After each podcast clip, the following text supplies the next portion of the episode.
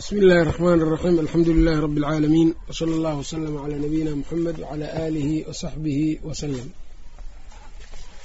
ama bacdu waxaan soo haynay oon ku dhex jirnay kitaabkii usuul الthalaatha ama halaaثaة اlusul lisheikh اlislaam moxamed ibn cabdilwahaab atamiimiy raximah اllahu tacaala saddex shay in la ogaado oo qofka muslimka uu ogaado waajib inay ku tahay uu sheekhu ka soo hadlay in diinta islaamka wax laga ogaado in laga ogaado allah subxaanahu watacaala macrifat ullahi tacaala wamacrifatu diin اlislaam wamacrifatu nabiyihi sala allahu aleyh ali wasalam allah subxaanahu watacaala oo wax laga ogaado waa soo hormariyey.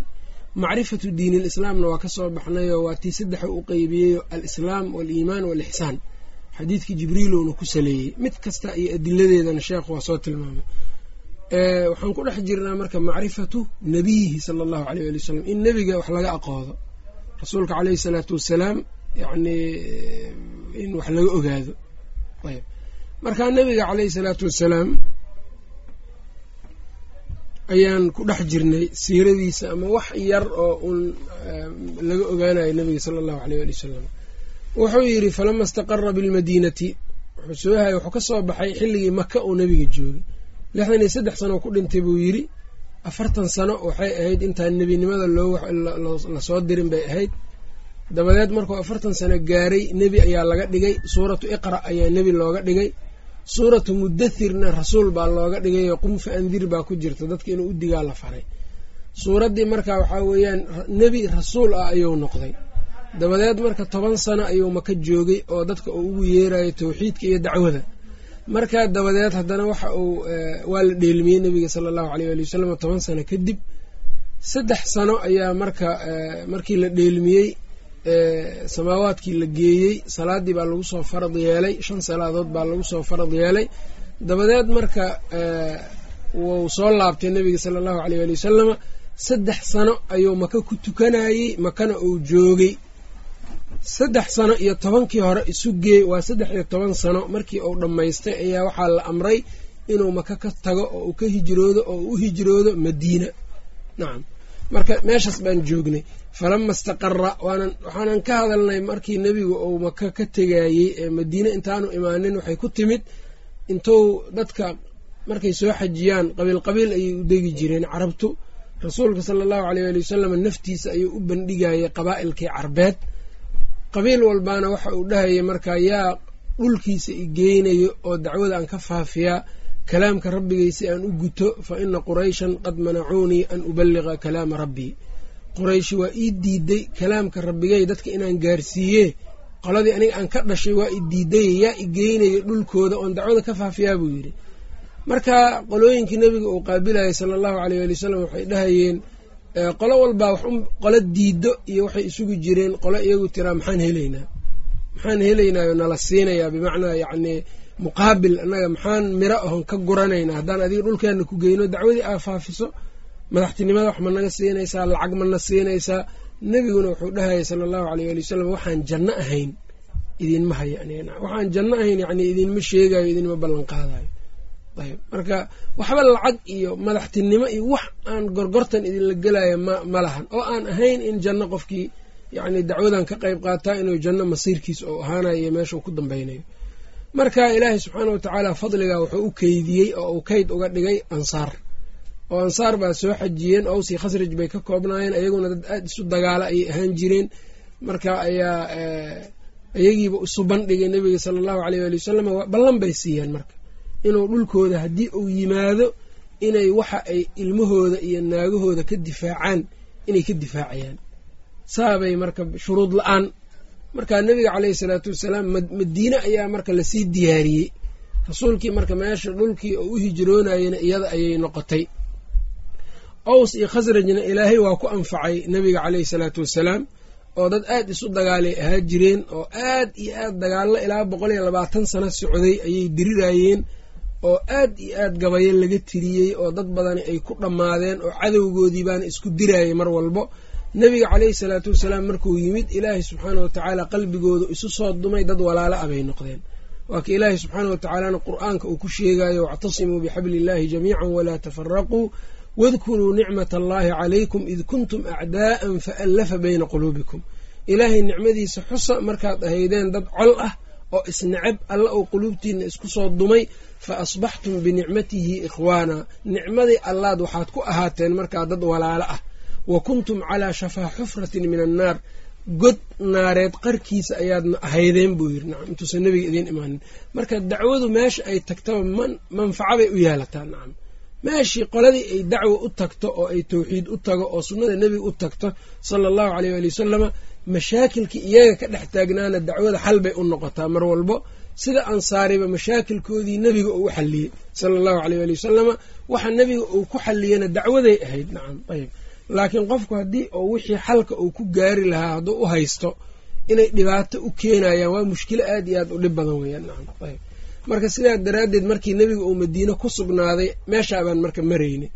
Falama istaqara markuu ku sugnaaday nebiga sala allahu aleyh waali wasalama bilmadiinati madiina amara wuxuu amray nebiga umira waxaa la amray umira weeyaan meeshaas. Umira waxaa la faray bibaqiyati sharaa'ici alislaami islaamka sharaa'icdiisa.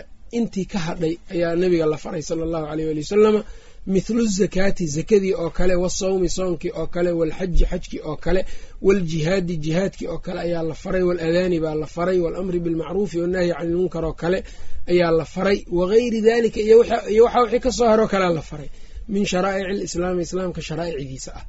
Awal waxaan haynay tawxiidkii iyo salaadii. Tawxiidkiina dabcan waa lala soo dirayba oo makaaba lagu farayba. Soo ma garanin. Salaadiina markuu sanadku toban ahaa maka markuu toban sano joogay ayaa la dheelmiyey markuu ku soo laabtay salaad baa la farad yeelay. Saddex sanow nebiga maka ku tukanaya tawxiidkii iyo salaadii baan marka arkaanul islaamkii aan ka aan haynay markii dambe ee uu nebigu sala allahu aleyh waali wasalam uu yimid dhankaa iyo madiine markuu tegey ayaa waxaa bilaabatay in rasuulka sala allahu aleyh waali wasalama la faray sharaa'icda inteedii kale sida soonkii aadaankii zakadii jihaadkii xajkii kulli madiinaa lagu farad yeelay. Culammada marka waxay yidhahdaan waxaa ku jiraa waxay tahay cahdigii mako axkaam badan lama keenin inta badanna waxaad arkaysaa dadkii muslimiinta sabar ayaa la farayay. Inay marka adkaysi yeeshaan oo ay axkaamta soo socoto diyaar u noqdaana la barayay. Saasaa culammadu ay yidhahdaan ibnu kathiir iyo kale ee markii maka ay tageenba isla markiiba haddii la fari lahaa jihaad ma aanay awoodi lahayn. Saasuu leeyahy alimaam ibnu kathiir raximahu llahu tacaala. Nacam marka xikmadda ilaahay in jihaadka madiine lagu farad yeelo oo axkaamta badankeed madiine loo dhigo xikmo ilaahay ah baa ku jirta. Nacam ayb tadriij baana laftirkeeda weeyaanoo maxaa yeeley qofku wax aanu wax ku culus haddii marka ugu horreysa dusha laga saaro waxaa laga yaabaa in wax walbaa markuu diyaar u yahay qofka inuu qabtaa fiican. Waxaan u jeedaa diyaar marka uu yahay awoodeedoo kale marka uu yeesho. Way u fududahay inuu qabto marka wixii. Ayb. Marka sharaacda islaamka inihii kale ayaa la faray. Nacam marka nebiga caleyhi salaatu wasalaam waxaa marka mudan in laga hadlo madiine markuu tegey muxuu ka bilaabay? Madiine markii uu rasuulka gaaray sala allahu aleyh waali wasalama wuxuu ka bilaabay inuu masjid dhiso. Masjidka nabowigaa la dhisay. Taqwo allah lagu dhisay ikhlaas baa lagu dhisay wanaag baa lagu dhisay. Ilaahayna subxaanah watacaala waa midka aad u ammaanayo uu yidhi lamasjidun usisa cala ataqwa min awali yowmin axaqu an taquuma fiih. Masaajid yacni taqwo alla lagu dhisay inuu yahay buu ilaahay sheegay subxaanah watacala isaga iyo masjidu qubaa marka masjidu nabowiga ayaa ayuu dhisay rasuulka sal ly salam asxaabtiibaa xooggoodayna ku dhiseen. Maalkoodi iyo xooggooday ku dhiseen. Oo nebiga sala allahu aleyh waali wasalam meesha hadda uu ku yaallo waxay ahayd beer timir iyo geedo timiraa ku yaalay iyo qubuur dad gaala ah ay ku aasnaayeen bay ahayd. Wiilal marka dhulka waxaa iska lahaa reer bani najaar ah oo nebiga yacnii abtiyaalkiis oo kale ahoo nebiga awowgiis cabdulmualib ay dhaleen ansaarta cabdulmualib ay dhaleen ma ogtahay? Marka niman reer bani najaar wiilal ah ayaa dhulka lahaa markaasuu nebiga wuxuu yidhi thaaminuunii calaa xaa'idikum. Deyrkiinaan meeshaan beerta idinkugu taallo goofka oo kale idin ah igula igula gorgortamo waa idinka iibsanayahay markaasay waxay dhaheen rasuulka ilaahayow yacnii waxaan kaaga dhignay hibaan kaaga dhignay nacam waa ku siinay waxba kama rabna ajara lacaga. Markaasu wuxuu yidhi maya lacag baan idin siinaa marka nabiga caleyhi salaatu salaam diyaar wuxuu u ahaa marka masjidka maalkiisa inuu geliyo. Thaaniyan haddana xooggii xooggoodiina waa geliyeen oo nebigii iyo asxaabtii isla shaqeeyey iyagaa gacmahooda ku dhisay. Walidaalika waata ay dhahayeen allahuma laa caysha ilaa cayshu alaakhira fakfir lilansaari waalmuhaajira markii masaajidka ay dhisaayeen sidaasay dhahayeen ilaahu nolol ma jirto nolosha aakhira ma ahane yacni nolol khayrle male nolosha aakhira mooyaane fakfir lilansaari walmuhaajira ansaar iyo muhaajiriin oo markaa muslimiinta u qeybsanaayeen ilaah u dembi dhaaf sidaa bay dhahayeen asxaabtuna nebiga laftirkiisa camalka la baashirayo isaga laftirkiisa shaqada wax ka qabanaya rasuulka sala allahu aleyh ali wasalam walidalika asxaabtu waxay dhahayeen lain qacadnaa wanabiyu yacmalu lain qacadnaa wannabiyu yacmalu haddii aan iska fariisanno annaga nebiguna sala allahu aleyh waalihi wasalama ou shaqaynayo oo uu shaqo ku jiro lain qacadnaa wannabiyu yacmalu. Fadalika mina alcamalu almudallalu sidaasay dhahayeen camal baadi ah oo xun ayuu naga noqonayaa ayay dhahayeen haddaan annaga iska fariisanno rasuulkiina sala allahu aleyh waali wasalam ou shaqaynayo arrintaa arrin xun waayay dhahayeen marka waa ku dayanaya rasuulka caleyhi salaatu wassalaam shayga koowaad ee uu nebigu la yimid masjid dhisid bay ahayd. Marka meel kastoo dad muslimiina degaan waxaa laga rabaa waxaa weeyaan masjid dhisiddu muhiimadeeday leedahay. Maxaa masjidku waa beytka qof kastaoo muslima meesha dadku axwaashoodu ay ku xalliyaan. Waa meesha yacni dhinac kasto qeybo walba oo kamida bulshada meesha laga xalliyo masaajidka. Masjidkii nebigana sidaasuu ahaa soo ma garanin taas marka waa mid. Shayga labaadoo nebiga uu sameeyey waxay noqotay sala allahu aleyh ali wasalama mu'aakhaatu almuslimiin almu'aakhaatu bayna alansaari waalmuhaajiriin ansaar iyo muhaajiriinba walaalo ka dhigay. Guri bay isugu yimaadeen guri buu ku walaaliyey marka nabiga sal ll ly slam ilaa yacni nin kastoo ansaariya nin muhaajiriyo walaal uga dhigay. Walaaltinimadaas waa isku dhexli jireen markii hore. Intaysan soo degin qowluhu tacaala wa ulul arxaami bacduhum awlaa bibacdin intaysan soo degin waa isdhexli jireen ninka ansaariga iyo ninka muhaajiriga ee walaal layskaga kala dhigay. Marka maxaa yeeley dadna dhulkoodiibay ka soo tageen maalkoodiibay ka soo tageen guryahoodiibay ka soo tageen. Dadna waxaa weeyaan guryahoodii baa loogu yimid. Marka waa inay isla wala waa in marka iskaashi inuu dhex maro wa taasuu ka shaqeeyey marka rasuulka sala allahu aleyh waali wasalama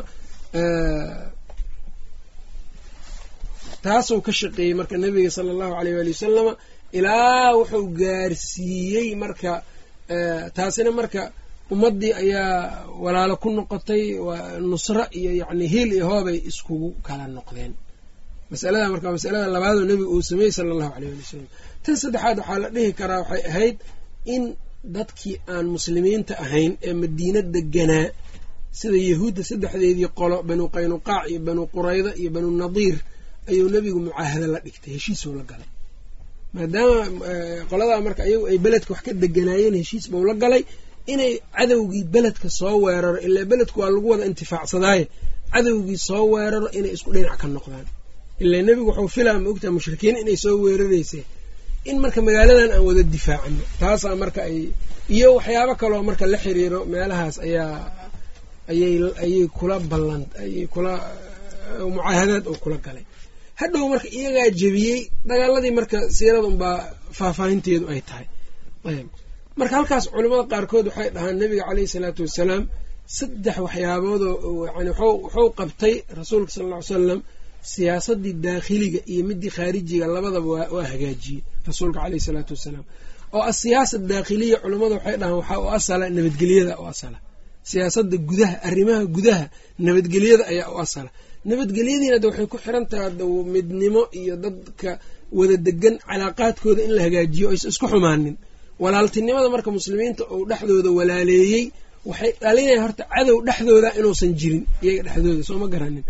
Masalada labaad marka waxaa weeyaan oo ku dadaalay siyaasa khaarijiya siyaasada banaanka asiyaasatu alkhaarijiya asiyaasa alkhaarijiyana waxay ku dhisan tahay saddex waxyaabood. Culamada sida ay yiraahdaan waxay ku dhisan tahay calaaqaadka dadka adiga aan muslimiinta ahayn oo haddii ballamo iyo ballamo lala gelaayo iyo haddii heshiis lala gelaayo heshiisyada yacni dadka dadka aan muslimiinta ahayn lala galo. Kow waxaa kaley ku dhisan tahay jihaadka dagaalka yacni dadka aan muslimiinta ahayn iyo iyo dadka muslimiinta dhex maro oo jihaadku marka wuxuu keensanayaa dabcan in loo diyaar garoobo. Oo adiga cadow baa leedahay waa inaad diyaar noqoto isdiyaariso inaad isdiyaar inaad isdiyaariso ayaad leedahay soo ma garanin.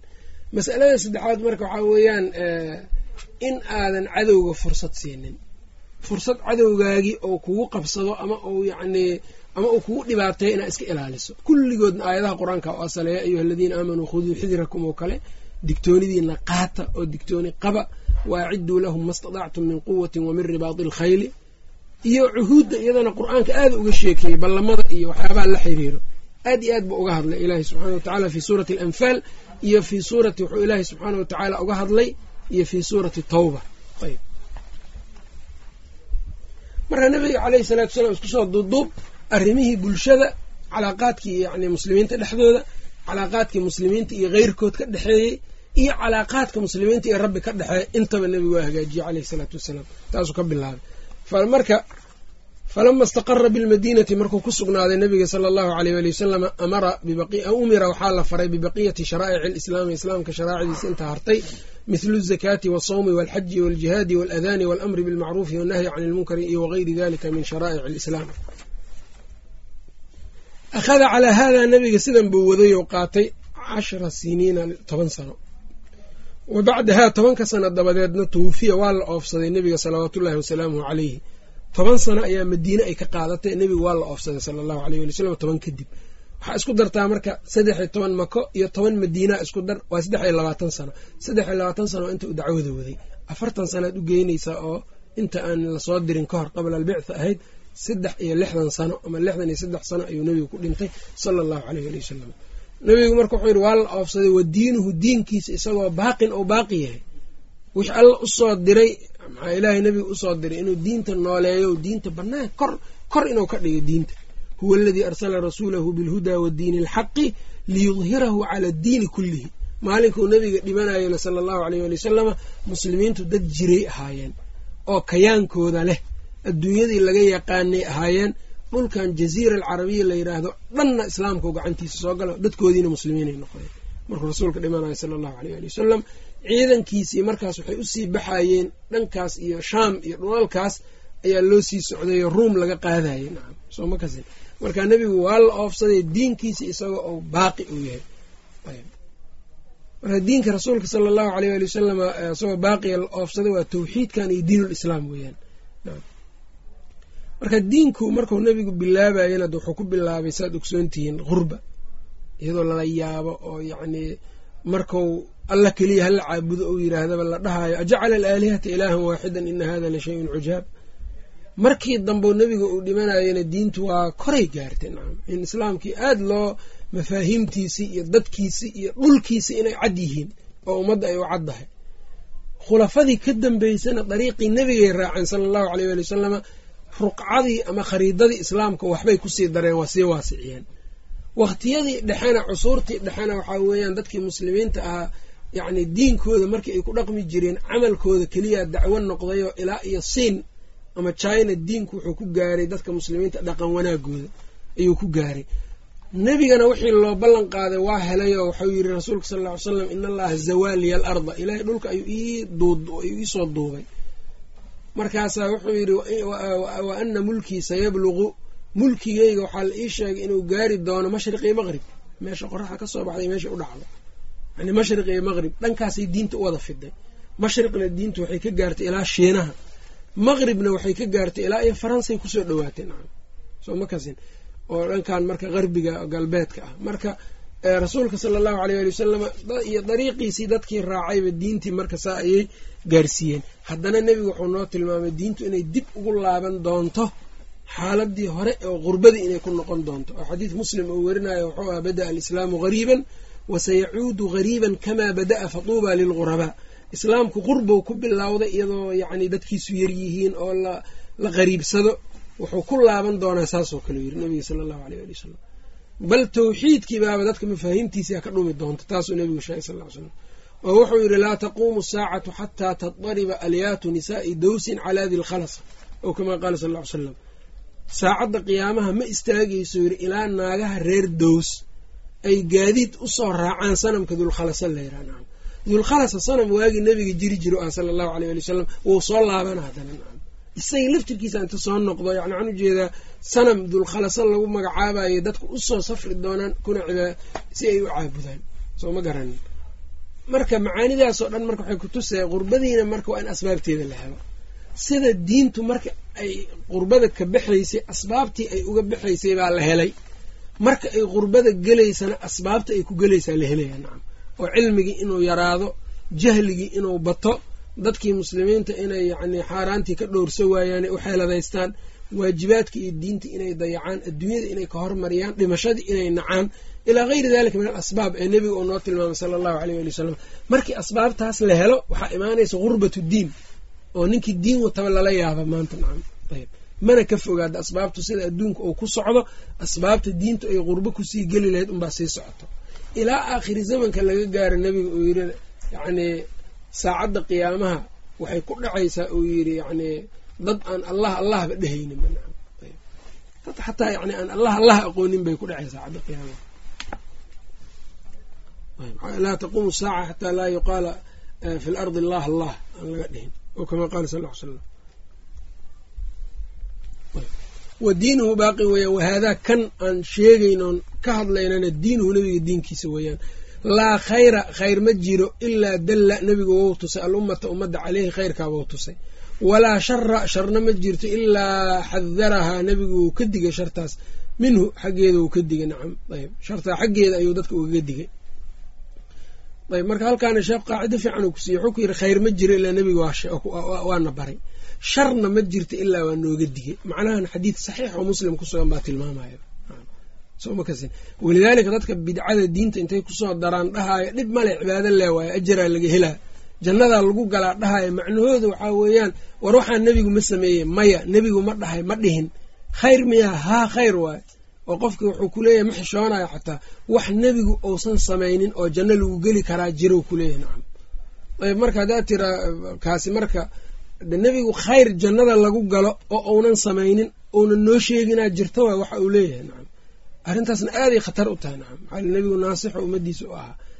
Soo ma gal walidaalika imaam maalik wuxuu yidhi qofkii qofkii bidco diin ka dhigto wuxuu yidhi faqad zacama ana muxamadan qad khaana arisaala ninkii bidco diin ka dhigto wax nebi maxamed aanu uusan samaynin oo ilaahay ugu dhowaanin ninkii allan ugu dhowaana dhaho risaaladiibu waxuu sheegtay buu yidhi ninkaas in nebi maxamed risaaladii khiyaanay afkiisa ayaanu ka sheegin laakiin lisaanu xaalihi saas weeyaan soo maha lisaanulxaalka walaa shara sharna ma jirto ilaa xadarahaa minhu ou ka digay nabiga sala allahu aleyh ali wasalam waalkhayru khayrka aladii kaas oo dalla caleyhi nebiga ou dadka tusay waxaa weeyaan atawxiidu waay waa tawxiidka.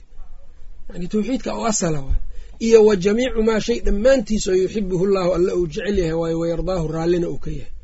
Waasharu sharta alladii kaas oo xadara minhu nebiga uu ka digayna ashirku weeyaan shirkigaa ugu horreeya iyo wa jamiicu maa shay dhammaantiis yakrahuhu llaahu alla ou nacayo way abaahu ou diidayo khayr oo dhan tawxiidka u asala iyo wax kastoo alla uu jecel yahay. Sharta nebiga uu ka digana shirkiga uu horeeyo iyo wixii kale markaa alla ou nacayo ou diidayo bacathahu llaahu ilaahay baa soo diray.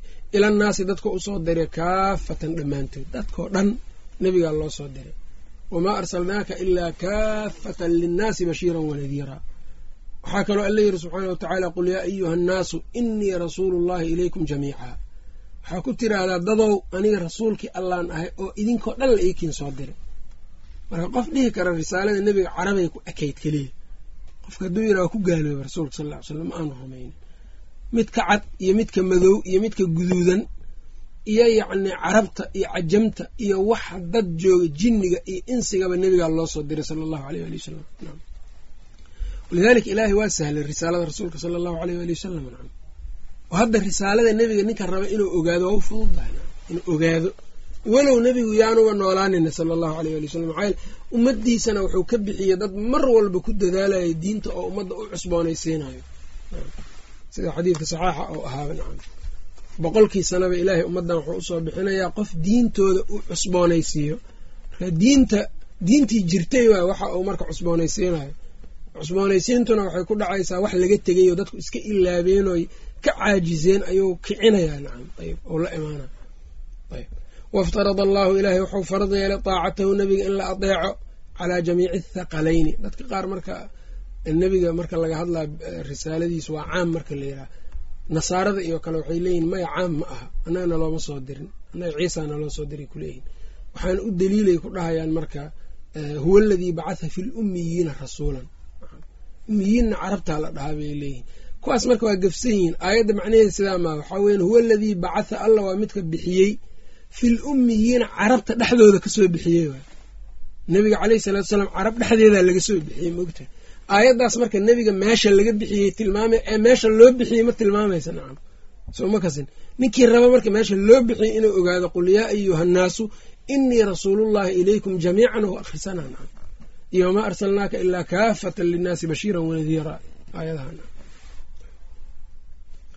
waftarada allahu ilaahay wuxuu farad yeelay daacatahu nebiga in la adeeco laga dambeeyo yow ku farad yeelay calaa jamiici thaqalayni jinniga insiga oo dhan nin daacada nebiga ka weyn ma jirto qof kasta oo yacni jinni iyo insiba waxaa la faray inay nebi maxamed adeecaan sala allahu aleyh ali wasalam halkan marka waxaa ku baxayo gaaladii waa ku baxayaan oo iyaga waxaan u jeedaa oo ku baxayan waxaan ka wadaa iyagu ma adeecin rasuulka sala allahu aleyh ali wasalama oo risaalaba uma aqoonsano waana waxay ku gaaloobeen dad badanoo iyaguna islaamkii u nisbe sheeganayo magac ahaan laakiin dhahaayo shareecada labay u qeybsantaa shareecadan nebi maxamed uu la yimid axaadiidta iyo aayadahan iyo qur'aankan iyo dadka caamada waaye ayay shareeca u tahay. Amaa dadka owliyada ayaga ay ku tilmaamayeenoo khaasada khawaasta shareecadan maba u taalay kuleeyihin walidaalika wax la yidhaha xaqiiqa iyo baatin iyo maanta dhan ka hadlaan nacam oo waxay kuleeyihin cilmu baatin wax la iraadaa jiro oo weligu marka waxaa weeyaan duu darajo gaaro salaaduu ka tegaa. Waa ii banaantao dhan aniga waxaan waxaa weeyaan salaaduu ka tegaya asoo sooman la arki maayo. Anna waxaan garanaynaa dad owliye waaweyn loo yaqaano maca daalika dadkii soddon sano la noolaay ee khaadimiinta u ahaa ayaa waxay leeyiin weligiis asoo tukanaya ma anan arkin. Yacni shaksi qof uga marqaa qof muslima oo salaad uga marqaati kici karaba ounan jooginba se kayf yakuunu musliman marka kaas soo muslim ku yahay adduunyada shaksi salaad uga marqaati kaco lama haayo. Marka nebi maxamed salaad inuu tukan jiray oo dadka tujin jiray oo ummadii dhammayd baa arki jirtay. Ninka nebi maxamed ka fiican marka yaa waay salaad salaadda isaga laga dhaafay. Laakiin nimankan iyagu manhaj waxay wataan ictiqaad kaloo waxa weeyaan waa ilaahnimo sheegad dadkuse ma fahmayaan marka waxay leeyihiin weliba hadduu darajaad gaaro waxaa weeyaan ilaa qalbigiisa allah soo gelaya nacam. Isaga iyo allah marka mid isku noqonayo wixdatulwujuud waxa la dhaho. Isaga iyo allah hal mid isku noqonayaan de inuu allah marka allowba noqday sideeba u sujuuda marka nacam? Hadduu sujuuda isagaa wuxuu noq alla maa sujuudana nacam. Ilaah ma sujuuda ma ogtahay? Annagana ma sujuudayna saa ilaahan nahay ma dhahayaan laakiin macnahooda meeshaas ba u dhacayaa nacam. Waa la yaqaanaa ibnulfarid iyo waxaan madhabkan dadka ay ka uu ka yimid ibnulfarid iyo ibnu carabi iyo raggaas yacni cabdulghaniy naabulisi iyo ahlulwixda macruuf macruuf weya nacam.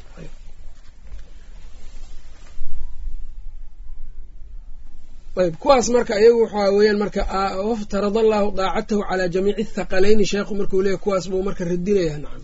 Shareecadu marka waa nebigu dadka o dhan oo rasuul u wadaya dadka oo dhanna waxaa layidhi yaa ayuha aladiina aamanuu atiicu allaha wa atiicu rasuula wa uli lamri minkum dadka oo dhan rusushay adeecayeen dad laga dhaafay oo yaqiin gaaray oo darajo yaqiin intay gaareen laga dhaafay salaadii ama yacni cibaadaadkii qaarkood laga dhaafay ma jirto. Nacam bal yaqiinta waxaa la yidhahdaa wacbud rabbaka xataa yaatiyaka alyaqiin ay ilmowt yaqiinta waa geerida ilaa a ka dhimata ilaahay caabud waay maahane darajo oo la gaaro cibaado ay kaaga cibaadadii ay kaa kor noqonaysaahy ma jirto aljina jinnigi iyo waftarada allahu alla wuxuu farad yeelay daacatahu daacadiisa ayuu waajib ka dhigay calaa jamiici thaqalayni buu waajib uga dhigay aljini jinniga iyo walinsi iyo insiga waddaliiluna qowluhu tacaala weeyaan qul waxaa tiraa yaa ayuha nnaasu dadow inii anigu rasuulullahi ilaahay rasuulkiisii baan ahay ilaykum idinka idinka loo soo diray jamiican xaal atihin dhammaantiin idinkoo dhan wa akmala allaahu alla subxaanahu watacaala wuu ku dhammaystiray bihi nebiga sala allahu aleyh waali wasalam addiina diinkiibuu ku dhammaystiray waddaliiluna qowluhu tacaala weeyaan alyowma maanta akmaltu lakum waan idiin dhammaystiray diinakum diinkiina wa atmamtu calaykum korkiinan ku dhammaystiray nicmatii nicmadeyda waradiitu lakum waxaanan idinkaga raali noqday alislaama islaamkii diinan diin ahaan oo alla subxaanah watacaala isagou diinkii ku dhammaystiray alyowma akmaltu lakum diinakum aayaddaa marka imaam maalik wuxuu dhihi jiray famaa lam yakun yowmaidin diinan laa yakuunu lyowma diina. Wixii aan aayaddan markay soo degaysay aan diin ahayn maanta diin ma noqonayaan. Annaga ma nihin dad oo diinkooda waxa la raba lagu daraayo mogta shuyuukhda muslimiinta waxba kuma daraan diinta mana ku dari karaan. Hadday ku daraanna laga yeeli maayo marka wixii maalintaas aayaddan ay diinku alla uu kaamil yeelayo wixii aan diin ahayn maanta diin ma ahanu yiri imaam maalik raximah llahu tacaala waddaliilu calaa mowtihi nebiga inuu dhintayna waxaa u daliila qowluhu tacaala weeyaan alla qowlkiisa inaka adiga meyitun baa tahay inaka adigu meyitun baa tahay mid dhimanayaa tahay wa inahum iyaguna meyituuna kuwa dhimanaya waay way dhimanayaan iyaguna huma markaa dabadeed inakum idinku yowma alqiyaamati maalinta qiyaamaha takhtasimuuna waad doodaysaan cinda rabbikum baa ku doodaysaan rabbigiin agtiisa aayaddan marka sheekhu inuu nebigu dhintay daliil daliil inuu nebigu dhintay kitaabka waa tusa adawaakan qur'aanki soo ma kasin oo inaka meyitun wa inahum meyituun sunnadiina waa tusaysaayo inuu nebiga dhintay waxaa lagu leeyahy kufina rasuulullahi sal ll ly salam nebiga waxaa lagu kafaniyey saddex maro biidin saxuuliyatin. Laa qamiisa fiiha walaa cimaama. Xadiidku waa toosaa ahaa nacam saxiix ah nebiga in la kafaniyey oo karfan la geliyaa la sheegay. So inuu dhinto marka kuma cadda meeshaa marka. Ijmaaci umma yani ijmaacii ummaddana waa tusayaa nacam. Soo ma weliba ijmaac oo xisi ah waay. Sababtoo ah in nebiga sala allahu aleyh wali wasalam ou dhintay muslimiinta dhan waa og yihiinoo qabrigiisaa la garanaa soo maa oo madiina nebiga qabrigiisaa ku yaalla marka qofkii inuu yiraaho qabrigii nebiga madiina ku yaallaa nebigana ma dhimanin ka waran isma burinayo marka. Dhimashada nebigu ou dhintaana ceeb kuma aha isaga nuqsaanna kuma aha nacam. Dhimashadu nuqsaani ceeb ma aha nacam. Soo ma garanin marka walidaalika waxay kuleeyiin nebigu waa dhinta haddaan waa dhintaa dhehna kuleeyiin sida inay nebiga weyneynayaana iga rabaan. Laakiin waa dhintay nebiga inaad ka weyneysiiso maxaa macnoo ay u sameynaya rasuulka sal ll ly slam ilaahay baaba dhahay inaka meyitun wa inahu meyituun inaka meyitun wa inahu meyituun saasuuba leeyahay nacam ayb marka marka inaka meyitun wa inahum meyituun xadiidkaasaa marka aayaddaabuu marka sheekh uu ku tilmaamay hal mas'ala marka in aada loo fahmo u baahan masaladaas waxay tahay axaadiidta nebiga sala allahu aleyh waali wasalama ka soo aroortay ee uu leeyahay al ambiyaau axyaaun fii qubuurihim maxaa laga yeelayaa iyada marka. Al ambiyada axyaaun w kuwa nool waay fii qubuurihim qubuurtooday ku nool yihiin.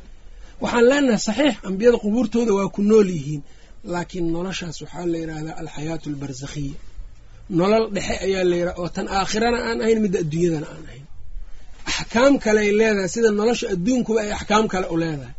Nolosha adduunyada axkaam bay leedahay marka adiga nolol adduuna noolna salaadana laga rabaa soom baana laga rabaa oo zakana laga rabaa. Qofka markuu qabriga ku jira ma soon iyo salaadii zaka laga rabaana lagama rabo wax badan bay ku kala duwan yihiin nacam. Soo garanin. Waxaa weeyaan qabrigii noloshaas marka waa tamaaman waa ka duwantaha midda adduunyada midda kalena waa nolosha adduunyada way ka duwan tahay midda aakhirana waa ka duwan tahay marka waxaad leedahay ambiyadu waa nool yihiin haa laakiin xayaata barzakhiya waay ee xayaatu dunya ma noola.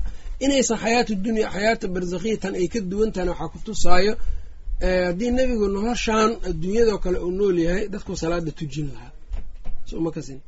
Dadka ayuu cilmiga bari lahaa rasuulka sal ly slam mas'ale markay asxaabta waa iskhilaafeen saa ogsoontihiin xataa khilaafkooda ijtihaadiga wuxuu gaaray inay dagaalameen xataa asxaabta.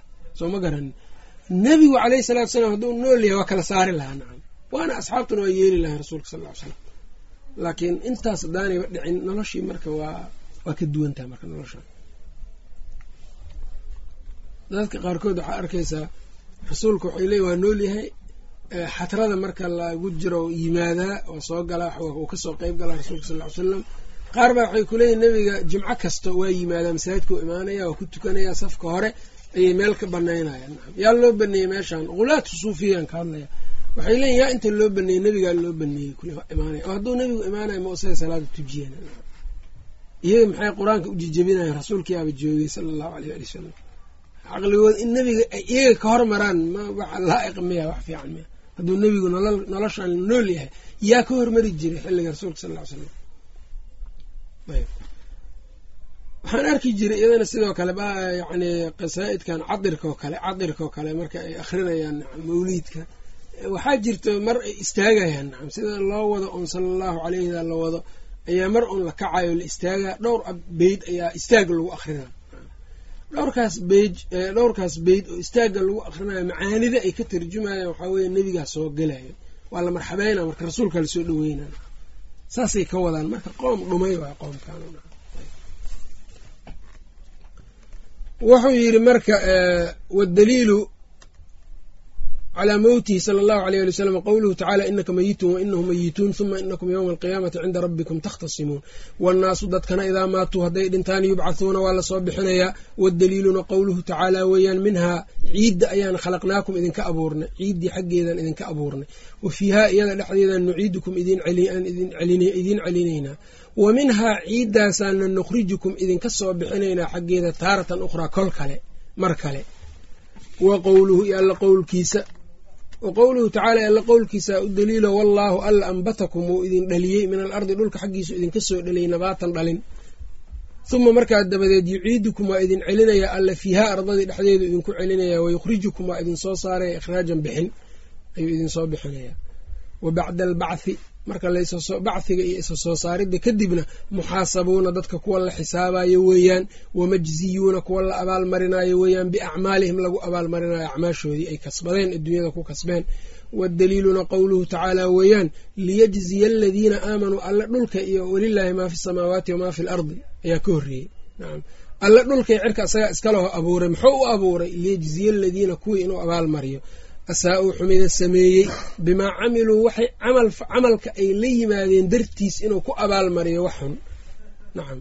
Wayajziya aladiina kuwiina uu abaalmariyo axsanuu wanaagga sameeyey bilxusnaa wanaag inuu ku abaalmariyo liyajziya aladiina kuwii inuu abaalmariyo asaa-uu xumida sameeyey bimaa camiluu waxay sameeyeen inuu ku abaalmariyo wayajziya aladiina kuwiina uu abaalmariyo axsanuu wanaagga sameeyey bilxusnaa inuu ku abaalmariyo janno iyo wax wanaagsan waman kadaba qofkii beeniye bilbacthi bachiga qofkii beeniye isa soo bixinta kafara waa gaaloobayaa nacam bachigu marka muslimiintu qofka muslimkaa ma beeninayo laakiin kooxa islaamkii u nisbo sheeganayo haddana bachigii beeninayo baatiniyada oo kale weeyaan baatiniyada marka waxaan u jeedaa qaraamidada iyo nusayriyada iyo duruusiyiinta iyo nimanka la yiraha iyo ismaaciiliyada iyo waxyaabahaas oo dhan bachigu way inkirayaan oo aayadahan ka warrama haddii la yiraha aayadahan macno kale ay leeyihiin nin kastoo yacni waxaad dareemaysaa baatil wato nusuustiibuu ta'wiilina nacam ta'wiilku yacni jinaaye ka daran iyo dembi ka daran oo diinka ilaahay subxaana wa tacaala looga galay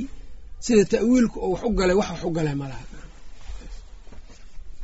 marka iyaga nusuustaas o dhan marka waa ta'wiilinayaan oo qaarkood waxay leeyihiin haddaan dadka aakhira loo sheegin oon la dhihin war waa la idin soo bixina haddaad dhimataan waana la idin naaraya haddaa xumaan samaysaan wanaagga haddaad samaysaanna jannaa la idin gelina haddaan la dhihin dadku waa isdulminayaanay kuleeyihin nacam marka falsafada ka dambeysaba aakhiro waxaa weeyaan dadka unbaa lagu sasabaa nacam si aysan dadka adduunyada isugu dulminin keliyaa la rabaayay kuleeyihin nacam waxaas marka islaam baa ku tirina adiga marka.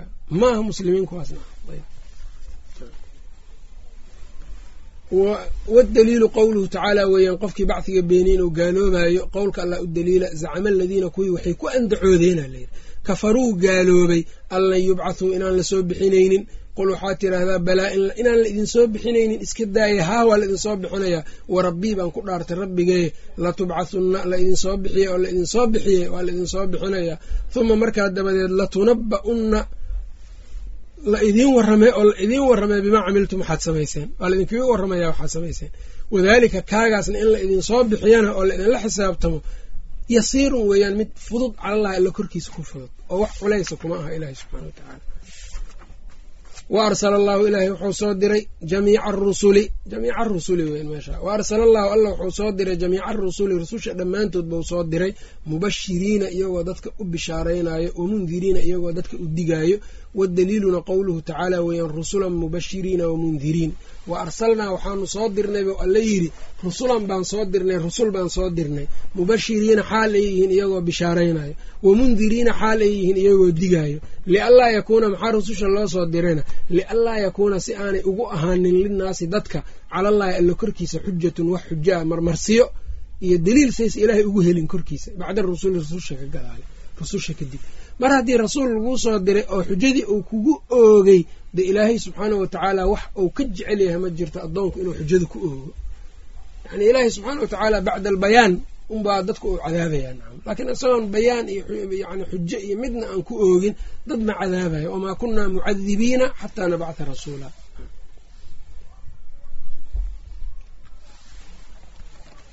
wa awaluhum rususha kooda kan ugu horeeyana nuuxun weeyaan calayhi salaam. Nabiyullahi aadam isagu nebi buu ahaa laakiin rasuul ma ahayno risaale inuu dad kale gaarsiiyo lama farin. Ama shareeco laguma soo dejinin korkiisa. Wa aakhiruhum rususha kan ugu dambeeyana muxamedun muxamed weeyaan sala allahu aleyh waalihi wasalama oo nebi maxamed ka nabiga sala allahu aleyh waali wasalam nebi maxamed nebi ka dambeeya ma jiro. Waadaliilu calaa ana awalahum kooda ugu horreeya nuuxun nuux inuu yahayna calayhi salaam qowluhu tacaala waa arrintaa daliilkeeda inaa anagu awxaynaa ilayka adaan kuu waxyoonnay kamaa sidii awxaynaa aanu ugu waxyoonnay ilaa nuuxin nuux iyo wanabiyiina nebiyadii min bacdihi isaga ka dambeeyey. Marka nuux baa rusushii ugu horreeyey.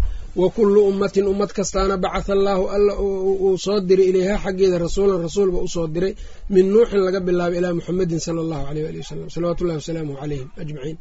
Ya'muruhum nebigaasoo marka faraayo bicibaadati illaahi alla cibaadadiisa waxdahu keligii in la caabudo wayanhaahum ka reebaayo can cibaadati daaguuti daaguut in la caabudo ayuu ka reebaa. Ayb daaguut waa facaluut calaa wasni facaluut.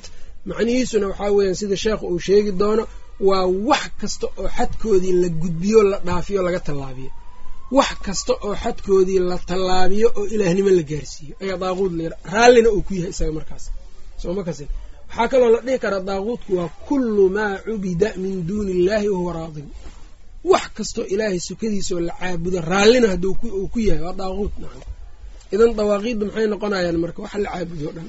Wax kastoo ilaahay sukadiisa la caabudo waa daaquud wax kastoon islaamka ahaynoo mabda' laga dhigto islaamkii lala simo ama lagaba saro mariyo maxay noqonaya iyagona daaquud bay noqonayaan nacam. Soo ma kasin. Marka hadda dadka muslimiinta lagu qasbaayo laga daba wadoon diin islaam ku salaysnayn oo dadku say rabaan ha isku xukumaan ah ku salaysan. Waxaan dimuqraadiyadda la yidhaahdo waa daaquud qofka muslimkan inuu ku kufriyaa ee uu yacni aanu rumaysnaanin marnaba iyadii laftirkeeda axashafan suu-a keelinay ku dhaqmaya waxaa weye iyadii laftirkeedii xataa haddii dariiqadaas inta la maro oo ayagii markaa dadkii muslimiinta ay wax uun ku helayaan waxaa la leeyahay maya maxaa dadka muslimiinta haddii la dooransiiyo diin iyo yaa rabtaan iyo wax kale diintooday dooranayan ma loo bana ayaga iyo diintooda ma laysu daynayo xataa marka dadka ha isxukumada laftirkeedaanba sax ahayn.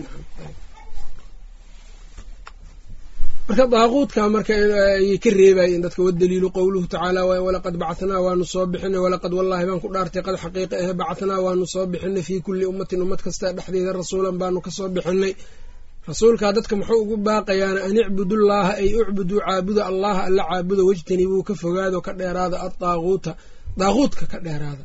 Waftarada allaahu ilaahay wuxuu farad yeelay calaa jamiici alcibaadi addoommada dhammaantood alkufra bidaaquuti daaquud in lagu kufriyo waliimaana billaahi iyo nacam.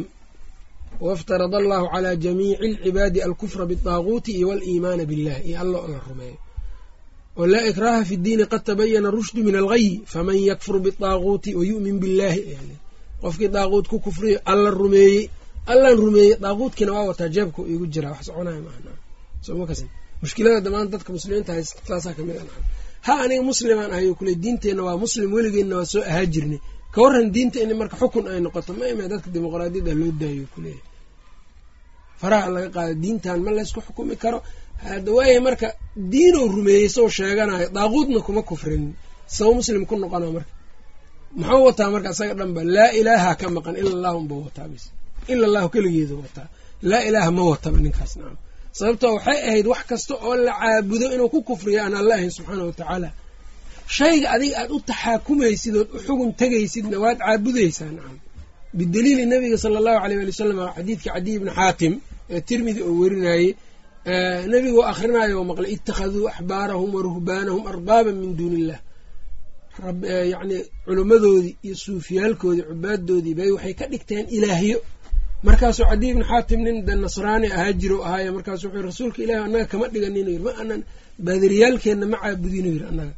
Markaasuu nebigu wuxuu yidhi sala allahu aleyh ali wasalam intay wax idiin xalaaleeyaan xaaraam ilaahay ka dhigay soo idinka kuma raaci jirin haayuu yidhi.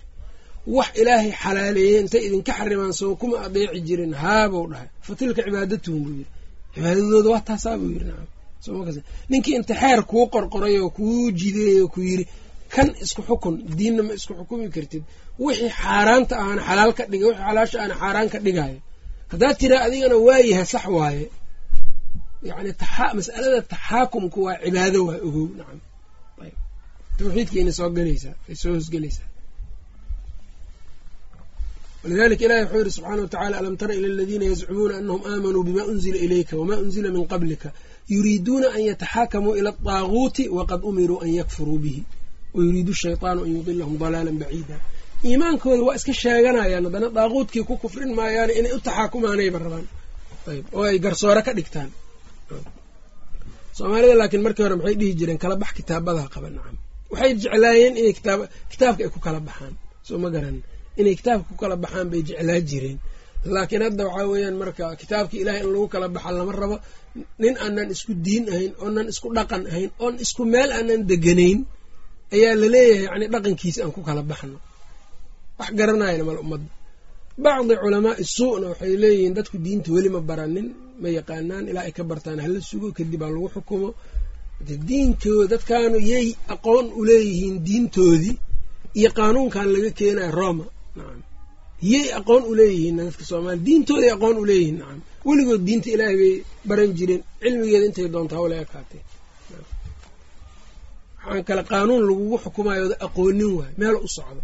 Walidaalika waxaa u baahan taha inaad lacag siisa qareen qaanuunkaasoo wakiilkaaga yahay adiga leesh ummadda iimaankooda iyo diinkooda haddii loo dhaafo laakiin haddii la yidhaha waxaan ilaahay baa kaa xukumay aayaddaanu kaaga xukumay qofka waa ku qanca muslimka mogta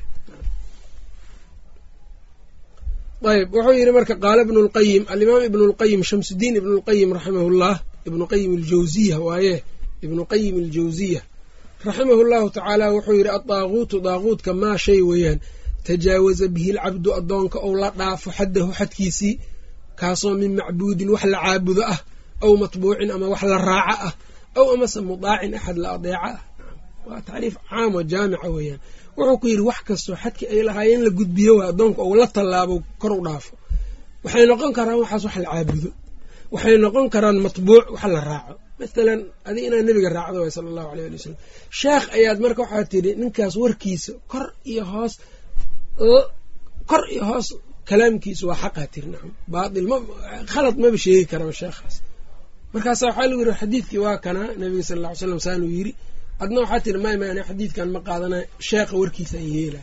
Sheekhii mutaabacadiisii baad xadkii loogu talagalay tallaabisood dhaafisay. Ayb sheekhu asaga daaquud ma aha laakiin adaa daaquud ka dhigta nacam hadduu laakiin raalli ku yahay uu leeyahay xadiidka iyo qowlkeyga hadday iska hor yimaadaan keyga hormariy haddou dhaho daaquud buu noqonaya asaga laftirkiisa aw amase mudaacin mid la adeeco. Mid la adeeco ama sheekh adiga weli aad u aragto markaas yani daacadiisii aad ku xadgudubto oo alla daacadiisi iyo isaga daacadiisi iska hor imaanaya tiisaa hormarinay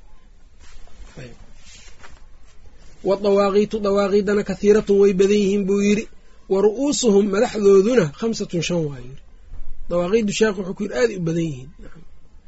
Madaxdooduna waa shan. Ibliisu ibliis lacnatullaahi caleyhi lacanahu llahu allah lacnadee iyo waman iyo waman axad cabada caabuday.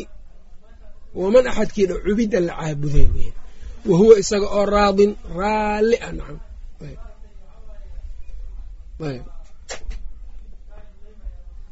Iyo waman axad cubida la caabuday wahuwa isagoo raadin raalli ka ah. Halay caabudo yiri aniga? Soo ma garan. Hala iisoo sujuudo yiri si aan u fahmnaba waxaa weeyaan dadkan dhahaayo mathalan hanaloo soo garguurto hanaloo rukuuco hanaloo soo sujuudo saas marka hana loogu yimaado. Kuwaasoo kale waxaa cibaado ayuu leeyahay hala ii sameeyo. Daaquud waa waman daca annaasa iyo qofkii dadka ugu yeero ilaa cibaadati nafsihi nafsadii asaga in la caabudo qofkii dadka ugu yeero. Yaanayba ayaga caabudin. Kan iyo kii hore isma laha nacam. Aniga halay caabudo yiri laakiin dadku maba caab wax caabudaan la waayey. Asaga waa daaquud nacam. Soo ma garanin. Kii hore laakiin muxuu ahaa nin isaga nin inta la caabuday raalli ku noqday waa midkii hore. Labadan marka waa kala duwan yihiin. Kana hore waa nin la caabudo raalli ku noqday. Kana asagaa halay caabuday yiri wa in la caabudinba ninkaas. Waa xarka goos waa nin xarka goostay. Waman iddacaa iyo qofkii sheegto shay-an wax oo min cilmi lgheybi ka mid ah. Halkaasuu fadhiyaa markaas faal buu dhigayaa waxuu samaynayaa waxa idinka dhumay iyo waxa maqan iyo berri waxaad gaari doonta iyo inaad nasiib leedahay in kale iyaan kuu sheegayo kuleeyahay. Waa daaquud iyo waman axadkii xakama ku xukumo bigayri maa anzala allah iyo nin kasta oo wax ku xukumo waxaan ilaahay soo dejinin daaquud weeyaan nacam.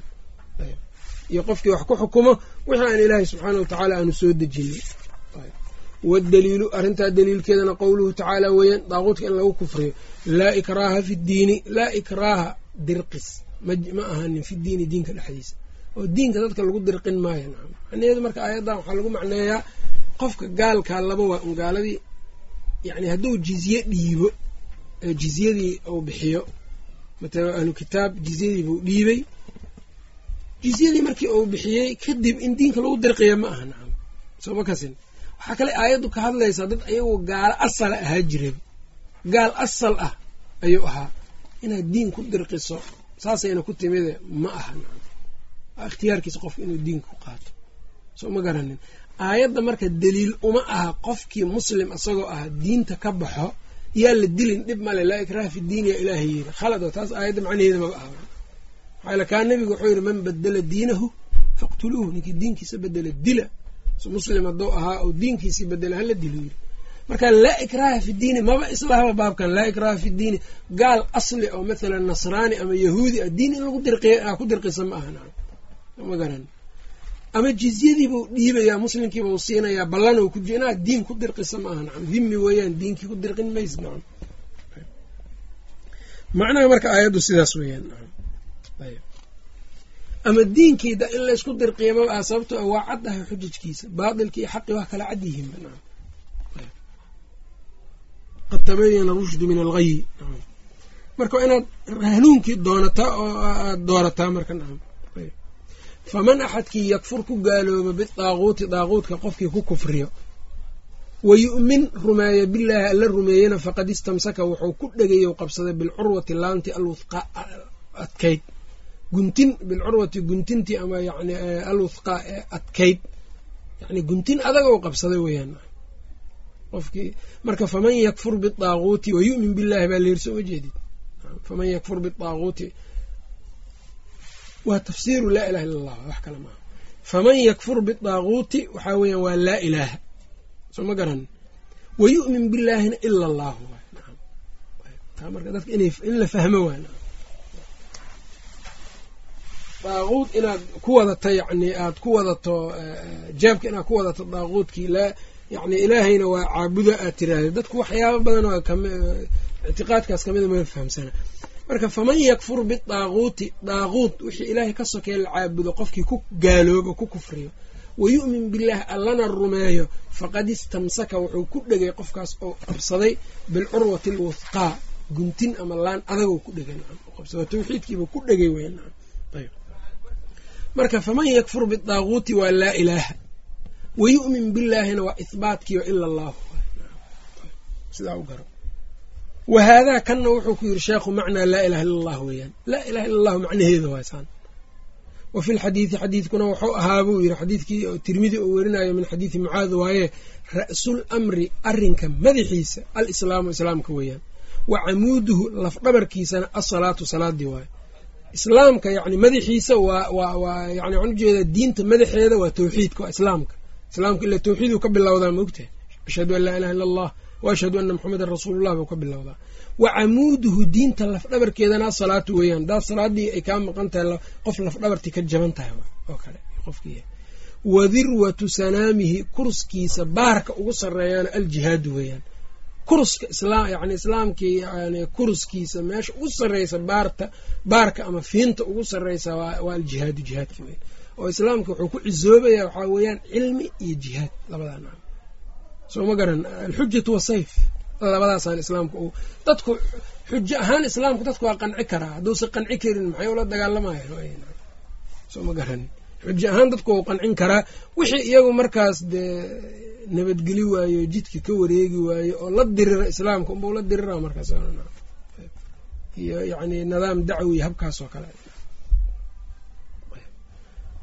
wadirwatu sanaamihina aljihaadu fii sabiili illahi weyaan alla jidkiisoo lagu jihaado wallahu aclamu wasala allahu calaa muxamedin waaalihi wasaxbihi wasalam kitaabku marka sheekhu inahaasuu ku dhameeyey de kitaabku muhimadiisu aaday u badnayd. Kitaab aad iyo aad runtii u qiimo badan weeyaan. Sheekha ilaahay subxana wa tacala waxaan uga baryaynaa inuu ugu dembi dhaafo camalkan uu qadimay oo muslimiinta u soo qadimay. Ilaahay subxaana wa tacaalana miisaankiisa xasanaadka oo ugu kabo in badan badan badan oo kamidana sheekhan yacni dhinacyo badanba waa laga dhibay.